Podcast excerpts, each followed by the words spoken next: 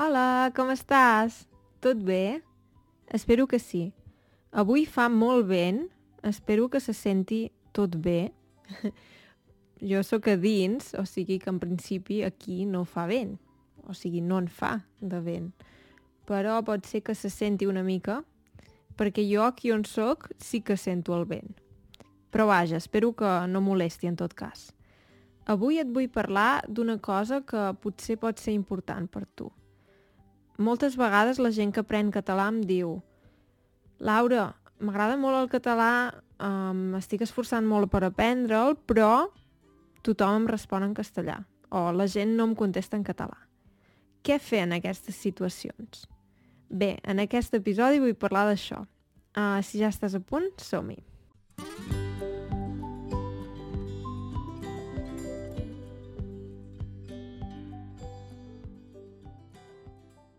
Us puc donar un consell que a mi m'ha anat molt bé.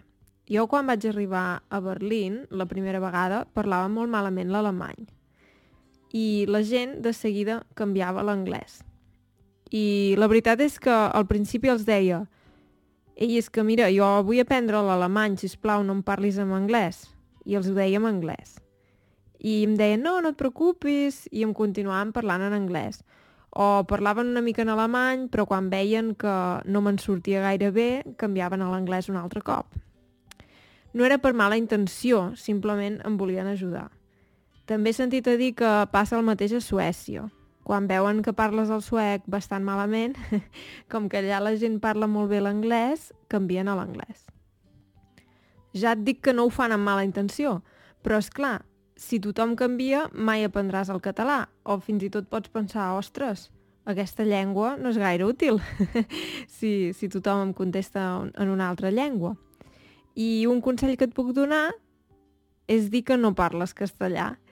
Clar, segons d'on siguis, mm, és una mica difícil, perquè, per exemple, no ho sé, si ets de Cuba o, o de Xile o d'Argentina, és una mica difícil de creure. Llavors has de dir simplement, mira, estic aprenent català, si us plau, parla'm en català, um, i ja està. O una cosa que pots fer, algú que segur que no et canviarà de llengua, és um, algú que sigui voluntari de voluntariat per la llengua, que és un programa gratuït amb el qual pots trobar gent amb qui parlar català. Llavors aquesta persona com que et vol ajudar amb el català, segur, segur, segur 100%, que no canviarà de llengua. També és veritat que, segons on siguis, clar, també pot ser que simplement estiguis parlant amb algú castellano parlant que habitualment no contesta en català, fins i tot si li parlen en català. Jo crec que una bona idea simplement és mantenir el català, intentar eh, parlar-lo. Si la teva llengua materna no és el castellà, pots dir que no parles castellà. Uh, crec que és una bona idea. I res, um, no sé si tu tens algun altre truc, algun altre mètode que fas servir um, per parlar més en català. Sí que hi ha tàndems, hi ha grups, segur que, que n'hi ha molts. Depèn d'on visquis, um, el català es deu parlar més o menys, depèn molt de, de la zona, de la ciutat, del poble. En tot cas, fins i tot si no vius a un lloc de parla catalana i sol haver grups de persones que parlen català. Vull dir que si és una cosa important per tu, pots trobar aquests grups. Ara l'altre dia em va escriure un noi, ara no recordo d'on era, um, però em va dir que, que viu a Berlín. Hola, crec que era Diego. Hola, Diego, per si escoltes aquest episodi. Um, doncs en Diego em va explicar que, que viu a Berlín i que de vegades um, es troba amb gent que parla català i que parlen català als seus fills i els seus fills, per exemple, no parlen encara castellà. Um, llavors crec que pot ser interessant trobar grups d'aquests. Vull dir que fins i tot fora de zones catalanoparlants hi pot haver grups que parlin català. Mm, sí.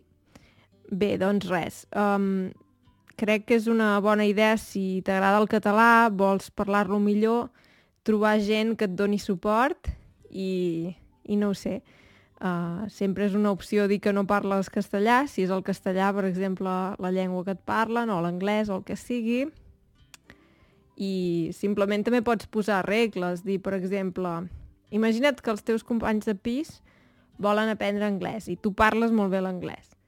I, en canvi, tu vols aprendre català. Doncs dir, mira, a les tardes parlem català i els matins parlem anglès, per exemple.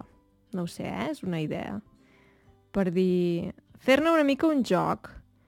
Perquè de vegades mmm, hi ha gent que potser, no ho sé, s'ho pren malament o diu home, jo no sóc professor de català.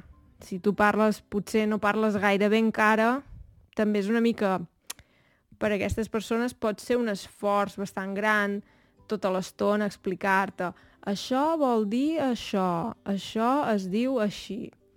Clar que pot ser una mica pesat, segons la persona, o sigui, hi haurà gent que tindrà més paciència que altra, però potser pots dir, mira, si són els teus companys de pis, per exemple, parlem una hora al dia en català. I llavors, fins i tot si tens moltes preguntes o si encara et costa bastant, només és una hora, no és, tot, no és tota l'estona. Saps què vull dir? Doncs res, són només unes idees. Si tu tens alguna idea millor, em pots escriure un missatge. Com sempre, sota et deixo els enllaços de Ko-Fi i Patreon. Moltes gràcies als que em doneu suport. I res, uh, si tens cap idea, no dubtis a escriure'm un missatge. Pots fer-ho a l'Instagram, per exemple. Molt bé, que vagi bé. Adeu!